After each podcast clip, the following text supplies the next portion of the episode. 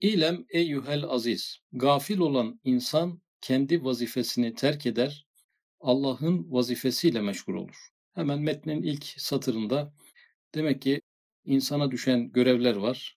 Cenab-ı Hakk'a düşen demeyelim de Cenab-ı Hakk'ın kendi üzerine aldığı e, görevler var. Arada bir liste bölümü görüyoruz yani insanın görevleri ve Allah'ın kendi üzerine aldığı görevler var. Gafil olan insan ne yapmış oluyor? Kendi görev listesini atlıyor. Yani kendi küçük, hafif, latif, nazik, basit görevlerini e, atlıyor. Cenab-ı Hakk'ın o ağır, büyük, zor, çok büyük görevlerinin altına giriyor. Böyle bir tarafı var insanın. Evet insan gafletten dolayı iktidarı dahilinde olan ubudiyet vazifesinin terkiyle, zayıf kalbiyle rububiyet vazife-i sakilesinin altına girer, altında ezilir. Tekrar gaflet kelimesi geçti arkadaşlar. İnsan bu hatayı neden yapar? Gafletten dolayı yapar. Burada gafletten kasıt düşüncesizlik. Yani düşüncesizlik, düşüncelerinin darlığından dolayı, e, fikir yürütmeye erindiğinden dolayı, sağlıklı fikir yürütemediğinden dolayı burada buna gaflet diyebiliriz. Gafletin iki anlamı var genel olarak. Birisi duyarsızlık, birisi düşüncesizlik ama bu metinde genel olarak düşüncesizlik anlamında geliyor.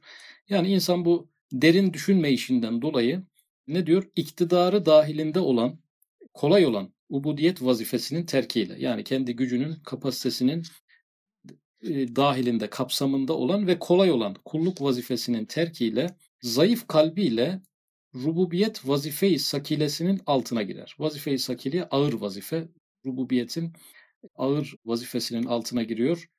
Zayıf duygularıyla, zayıf kalbiyle deyince tabii his dünyasıyla, duygu dünyasıyla e, alakalı bir mesele, bir problem olduğu düşünülüyor. Fiziksel olarak değil, yani fiziksel olarak değil, psikolojik olarak rububiyetle alakalı yüklerin altına giriyor. Burada nasıl yükler olabilir bunlar diye düşündüğümüzde endişeler, endişeler yani gelecekle alakalı Cenab-ı Hak üzerine aldığı ilahi teminat altına aldığı meselelerde endişe duymak, Allah'ın koruması altında olan şeyleri koruyamamaktan korkmak yani korku duygusu bir noktada e, insanın başına gelme olasılığı olmayan veya çok zayıf olan meselelerden korkmak vehim. Yani endişe, korku ve vehim. Rububiyet vazifesi noktasında aslında genel olarak bunları kastediyor. Ve aynı zamanda bütün istirahatini kaybetmekle asi, şaki, hain adamların partisine dahil olur. Şimdi burada arkadaşlar psikolojik olarak insan Allah'ın vazifelerini yüklenmeye başlarsa istirahatini kaybeder. Yani psikolojik ruh sağlığını kaybeder. Endişeler, korkular, vehimler içerisinde boğulur. Ve burada üç tane sıfat. Asi olur yani. Neden? Zayıf kalbiyle zor işlerin altına giren bir insan bir gün bağıracaktır yani. Çünkü o zayıflıkla bu yüce ve yüksek ağır yüklerin altına girdiği zaman insan feryadı bir gün basacaktır. Ne oldu? Asi oldu yani. E, şaki kelimesi geçiyor. Bu yükü kaldıramamaktan dolayı evet isyan eder ama sözlü olmaz yani. Artık o daireden çıkmak ister. Yani bu ubudiyet ve rububiyet noktasında bu yükten kurtaracağı, kendisini psikolojik olarak rahatlatacağı bir takım inançsızlık atmosferlerine kaçmak ister. Ne oldu? Burada şaki oldu yani. Bir noktada inançtan kaçma noktasında şaki oldu. Hain kelimesi geçiyor. E, bir ihanet. E, haliyle Cenab-ı Hak ona kolay görevler vermişti. E, zor görevleri kendi üzerine almıştı. O Cenab-ı Hakk'ın zor görevlerini yüklendikten ve kaldıramadıktan sonra bu İslam dairesinden, inanç dairesinden çıktığı için bir de ihanet etmiş oldu. Neden? Kendi kolay vazifelerinden e, kaçtı. Zor vazifelerin altında da ezilerek aslında kendi vazifelerine, kendi sorumluluklarına da bir noktada ihanet etmiş oldu. Hatta insanlığına bir noktada ihanet etmiş oldu. Evet insan bir askerdir. Askerlik vazifesi başka, hükümetin vazifesi başkadır. Askerlik vazifesi talim, cihat gibi din ve vatanı koruyacak işlerdir. Hükümetin vazifesi ise erzakını, libasını, silahını vermektir. Binaenaleyh erzakını temin için askerliğe ait vazifesini terk edip ticaretle mesela iştigal eden bir asker şaki ve hain olur. Şimdi asker kışladan çıktı ve diyelim ki pazarda bir şeyler satmaya çalıştı çünkü karnını doyuramamaktan korkuyor. Veya elbise almak için çalışıyor dışarıda başka işler ya diyelim ki boyacılık yapıyor biz de soruyoruz sen bu boyacılığı niye yapıyorsun? İşte askeriyede benim önümüzdeki yıl elbiselerimi verip vermeyecekleri belli değil. Botlarımı verip vermeyecekleri belli değil. E, noktasında bir asker düşünelim. Burada iki kelime kullandı bu sefer de. Şaki ve hain kelimesini kullandı. E, hain burada vatana ihanet oldu. Yani asker kendi görevini bıraktığı için vatana ihanet etmiş oldu. Şaki noktası eşkıya adeta o orduya zarar vermek isteyen eşkıyalara bir güç vermiş oldu. Orduyu zayıflatarak burada bir güç vermiş oldu. Bu örneği biraz öğretmen gibi de düşünebiliriz. Yani bir öğretmenin görevi nedir? İnsanları yetiştirmek, eğitim, öğretim meselesidir.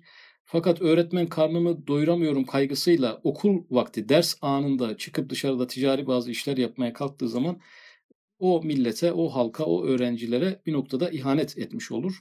Burada konu tabii ki insanın kulluğuna gelecek. Yani insanın görevi öğretmenlik de değil, askerlik de değil. E, Allah e, karşısında ibadetle birinci sırada ibadet olan bir görevi var. Onu terk ediyor insanlar. Neden dolayı terk ediyorlar? Karın açlığı veya masrafların çokluğu veya uydurulmuş ihtiyaçların fazlalığı veya bir takım hırslar sebebiyle namazını, niyazını, orucunu, evrad-ı eskarını bırakıp mide meselesinden dolayı ve bir takım hırslardan dolayı bu önemli vazifesini terk ederse şaki ve hain olur. Yani Allah'a karşı, Allah'ın verdiği göreve karşı, o kolay göreve karşı e, bir ihanet etmiş olur ve bir noktada eşkıya olur. Maneviyatın eşkıyası olur.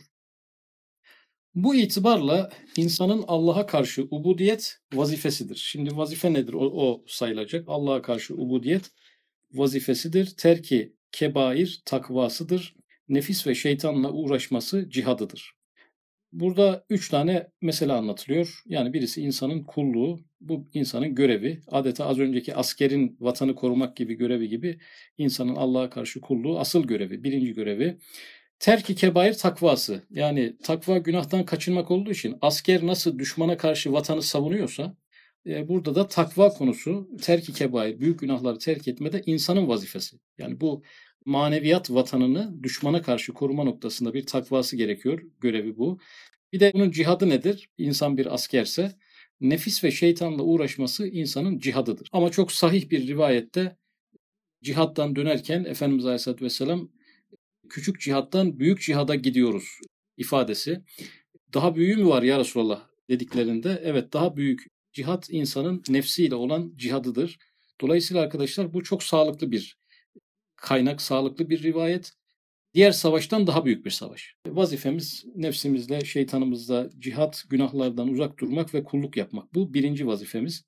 Bu birinci vazifemiz tabii öyle bir garip bir vazife ki bu kulluk vazifesi. Bunu ikinci sıraya aldığınız anda yapamıyorsunuz da. Yani e, hayatın diyelim ki birinci gayesi kariyerdir. E, ama namaz, niyaz o da güzeldir. Arkasında onu da yapalım deyince bu birkaç yıl giden ama sonra artık yerlerde sürünmeye başlayan bir şey haline geliyor. Bunu kalbin merkezindeki fer ve enerji buna yetecek kadar zaten. Yani bunun dışında bir şeye insan gönül bağladığı andan itibaren yavaş yavaş o ibadetlerden de kopma gibi bir şey söz konusu oluyor. İnsanın Allah'a karşı ubudiyet vazifesidir. Terki kebair takvasıdır. Nefis ve şeytanla uğraşması cihadıdır diyor.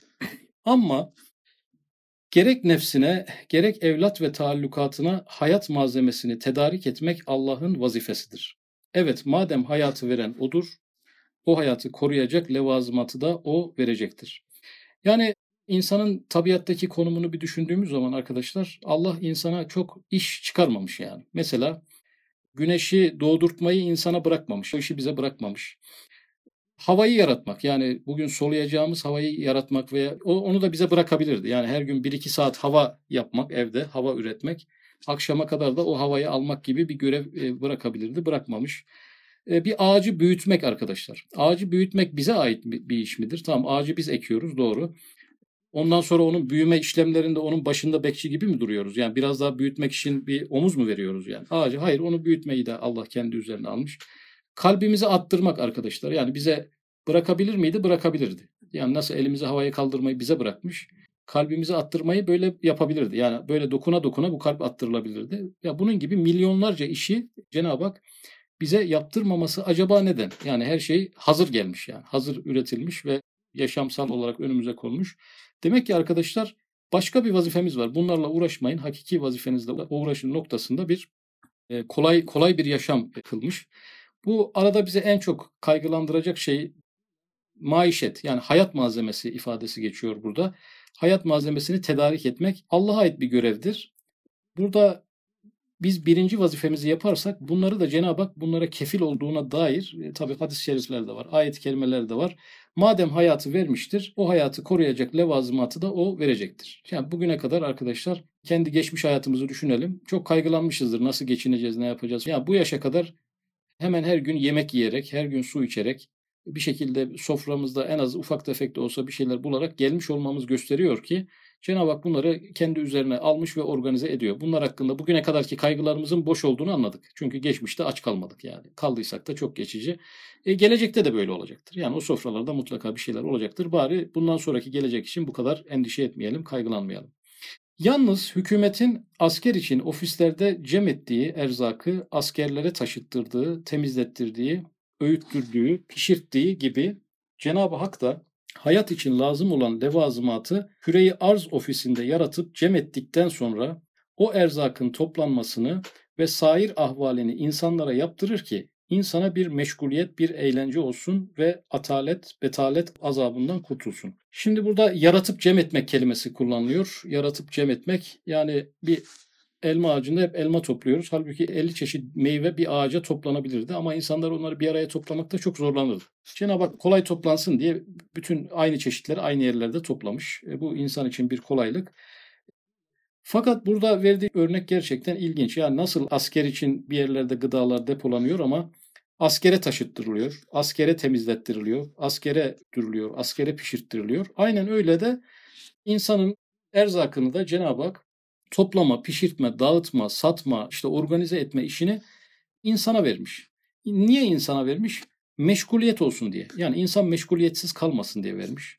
İkinci kelime eğlence olsun diye. Yani insanın canı sıkılmasın diye. Şimdi biz bugünlerde zaten bunu iyice anladık ki insanların işleri sadece geçim noktasında değil yani. İnsanların yaptığı işler biraz da onları psikolojik olarak rahatlatmak içinmiş. Yani evde bunalım geçiren insanlardan bunu çok rahat görüyoruz. Eğlence olsun diye insanlara taşıttırıyor, insanlara organize ettiriyor, insanları işe gönderiyor, işten geri getiriyor, sabah evden çıkarıyor, akşam eve geri gönderiyor. Yani bir sıkıntı, bir darlık olmasın diye bunu böyle yaratmış. Yoksa insanı rızka bu kadar muhtaç yaratmayabilirdi. Yani herkesin evinde rızık çeşmeleri aktarabilecek şekilde bir hayat da olabilirdi. Kimse kazanmak ve emek göstermek zorunda da kalmayabilirdi. Dünyayı öyle de organize edebilirdi ama meşguliyet olsun diye böyle yaptı. İnsana bir iş olsun. Çıksın, dolaşsın, insanlarla görüşsün, bir emek sarf etsin, kafayı biraz dağıtsın. O ibadetlerin arasında, merkezde ibadetler var da sürekli ibadet olursa ibadetlerin de artık ülfetten, gafletten anlaşılmaz bir hale gelmesi söz konusu. Ve eğlence dedi arkadaşlar. Yani Allah insanı eğlendirmek için işler yaptırıyor yani. Belki kendi mesleğimize bakalım. Bir gün bunun anlamı belki de eğlencedir yani. Allah dünyada bizi eğlendirmek, sıkıntımızı gidermek için bize bazı meslekler, bazı işler bulmuştur. Yoksa rızık vermek için Allah mesleklere, işlere, binalara, işte plazalara ihtiyacı yoktur.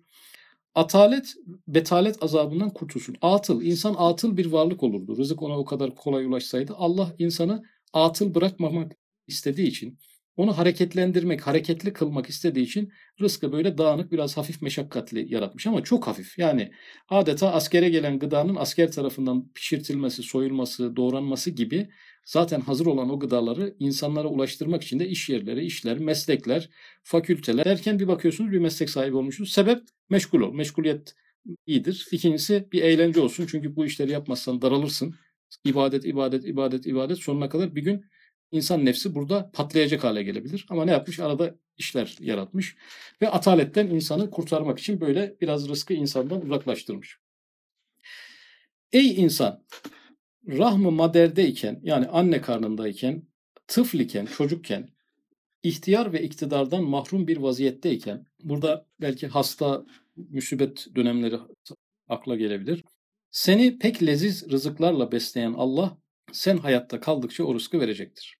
Şimdi anne karnını bir düşün diyor. En zayıf olduğun dönemde bir rızık sıkıntısı çektin mi? Ya ben anne karnında çok zor günler yaşadım. Hiç bana rızık gelmedi diyen var mı? Orada en güzel rızıklar geldi. Halbuki ne dilimiz var, ne konuşma şeyimiz var, ne kimseden açım deme imkanımız var. Hiçbir şey yok. Orada güzel beslendik. Tıfliken diyor çocukken. Parayı biz kazanmamışız. Emeği biz vermiyoruz. Bazen açlığımızı bile aklımıza gelmiyor oyun oynarken falan ama biz o yaşlara kadar emeksiz bir şekilde kendimizin kazancı olmayan anneyi babayı Cenab-ı Hak çalıştırmış, istihdam etmiş, bizim midemize o rızıkları rahatlıkla göndermiş. İhtiyar iken diyor, ihtiyar. Yaşlıları düşünelim. İşe gidemiyor. Bir performans sergilemiyor. Evden camiye, camiden eve. Sonra amca aç mısın, tok musun? Toktur yani. Ne oluyor? Onun çocuklarını da ona acıyacak şekilde yaratmış. Onların kalbine bir merhamet koymuş. Bu, bu sefer onun karnı da öyle doyuyor. Kendi emeği olmaksızın. İktidardan mahrum olduğun vaziyetteyken yani bir de hasta olduğumuz dönemleri düşünelim. Cenab-ı Hak bir bahaneyle bir şeyler gönderiyor. Seni pek leziz rızıklarla besleyen Allah sen hayatta kaldıkça o rızkı verecektir. Neden en zayıf bölgeleri örnek verdi? Anne karnını, e, çocukluğu, ihtiyarlığı ve hasta olduğumuz günleri neden örnek verdi? Nefsimiz çünkü ikna olmayacaktı yani. Bu rızık hep gelecek. Bak en zayıf olduğun dönemlerde geldi. Normal günlerde niye gelmesin? Noktasında bir iknaya çalışıyor. Niye insanı iknaya çalışıyor? E, maneviyatı törpüleyen, önüne geçen, kulluğumuzdan taviz verilen şey arkadaşlar gelecek kaygısı, kariyer kaygısı, açlık kaygısı, işte parasızlık kaygısı, bir yerden atılırım bu evi kim geçindirir kaygısı. Genelde bu şeytan sizi fakirlikle korkutur diyor ya ayet-i kerimede. Genelde bu meseleler olduğu için bunun taahhüdünü en zayıf noktalarda bir kere gösteriyor. Hani meşhur bir söz var ya aç adamı doyurabilirsin ama açlık korkusu çeken adamı doyuramazsın. Yani aç doyar ama adamda o korku varsa hayat boyu onu yemekte de doyuramazsın, parayla da doyuramazsın. Onun önüne alıcı cümleler bunlar. Baksana her bahar mevsiminde satı arzda yaratılan enva erzakı kim yaratıyor ve kimler için yaratıyor? Ya yeryüzünde bu kadar rızık kim yaratıyor? Allah yaratıyor. Kim için yaratıyor? İnsan için yaratıyor yani. Evet başka varlıklar da faydalansa da senin ağzına götürüp sokacak değil ya. Şimdi insanın görevi ortaya çıkar. Yani burada insanın görevi rızıkları çiğnemek yani. Bak insanın hakiki görevini söylüyorum. Yani bu kazanma ne içindi? Meşguliyet olsun diyeydi, eğlence olsun diyeydi, insanı ataletten kurtarsın diyeydi.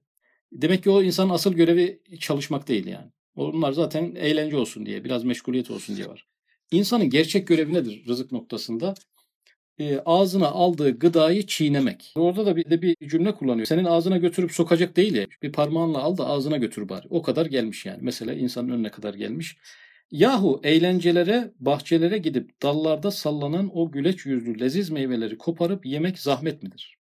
Yani meyveleri koparıp yemek zahmet midir? O meyvenin yaratılması için kainat kadar masraf lazım. Onların hepsi harcanmış, kullanılmış. Sana düşen bir el uzatıp koparmak. Bu mu zahmet? Burada tabii Ağaç yerine iş yerini de koyabiliriz. Yani iş yerine gidip bilgisayar başında tık tık bir şeyler yapıp akşam bu mu yani zahmet? O rızkın gelmesi için kainat kadar değerli o rızkın buna mı eriniyorsun yani? Bunu mu bahane ediyorsun ibadetleri yapmak? Bu mu çok zor bir iş? Zahmet midir? Allah insaf versin. Hülasa Allah'ı itham etmekle işini terk edip Allah'ın işine karışma ki nankör asiler defterine kaydolmayasın. Allah'ı itham etmek.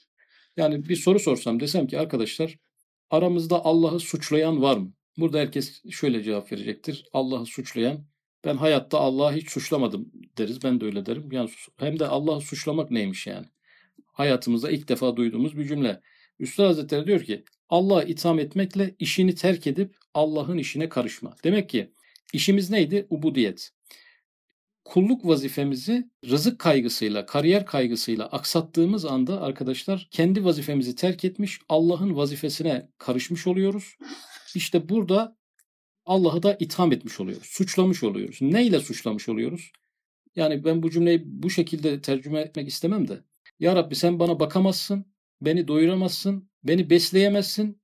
O yüzden ben atağa kalk. Ben bu atağı yapmak zorundayım. Çünkü sana güvenemiyorum. Burada arkadaşlar kaygıyla, gelecek kaygısıyla e, ibadetleri aksatmak, işlere e, performansını iki kat daha verip ibadetleri yarısına düşürmek, bu şu anlama geliyor. Ben sana güvenmiyorum. Bana vereceğin rızka da güvenmiyorum. Beni besleyip yaşatacağına da güvenmiyorum. E, ve bana bunları verememekle seni suçluyorum yani.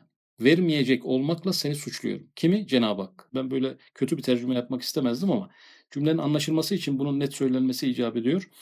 Allah'ı itham etmekle işini terk edip Allah'ın işine karışma ki nankör asiler defterine kaydolmayasın. Yani neden nankör dedi arkadaşlar? Nankörlüğün konuyla ne ilgisi var? Neden nankör kelimesi? Çünkü bu insan ubudiyeti bıraktı. Peki ubudiyet neydi? Allah'ın insana verdiği nimetlere karşı bir şükürdü. Hani namaz şükrün envaını cami diyordu. Demek ki ibadeti terk bir şükürsüzlüktür. Çünkü ibadet bir şükürdür. Dolayısıyla nankör kelimesinin gelmesi gayet sağlıklı oldu yani. Burada tam yerinde bir kelime.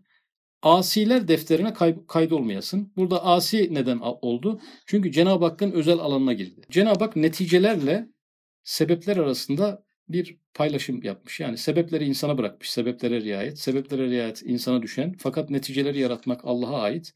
Bu Celaleddin Harzemşah hani demişler ki sen muzaffer olacaksın.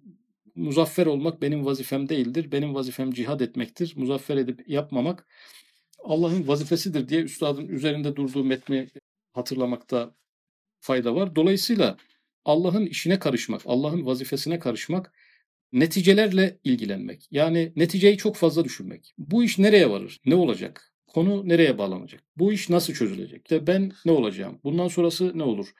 İnsanların genelde kafasının %95'ini bu düşünce kaplıyor.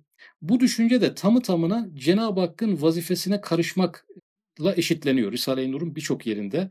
İnsana düşen bir şeyler yapmak. Ama o nereye bağlanır? Yani sonuçlanır mı veya sonuçlanmaz mı? Bunu Cenab-ı Hak kendi üzerine almış. O yüzden Celaleddin Arzamşah orada muzaffer etmek veya mağlup etmek Cenab-ı Hakk'ın vazifesidir diyordu. Yani sadece muzaffer etmek değil. Allah'ın vazifeleri arasında bir de mağlup etmek vazifesi var yani. İnsanı mağlup etmek diye bir vazife var. Haşa bu dediğim gibi yani Allah'a vazife atfetmek anlamında bir kelime değil. Genel bir hastalığa parmak basmış oldu. İnsanın kulluğunu aksat, aksatıp adeta kainatı yöneten, yaratan ve o insanın bütün ihtiyaçlarını ve rızkını gideren bir varlık yokmuşçasına yapışmak, dünyaya yapışmak, işlere yapışmak, kaygılandığı şeyleri gidermek için bütün eforunu sarf etmek ve yine de yine de her şeye rağmen bu kadar performans sergilemesine rağmen gelecekten emin olamamak, halen kaygılar, halen endişeler içerisinde yoğrulmak bunların hepsi Cenab-ı Hakk'ın özel alanına giren insanların bir şekilde çarpıldıkları yerler yani. Orada bir kısa devre olduğu için yine bize dur diyor. Birinci vazifen ubudiyettir. Diğer e, kendi üzerinde endişelendiğin şeyler de Cenab-ı Hakk'ın vazifesidir. Onları fazla düşünerek Cenab-ı Hakk'ın bu özel alanına girme istirahatini kaybedersin, psikolojik ruh halini kaybedersin şeklinde ifade ediyor.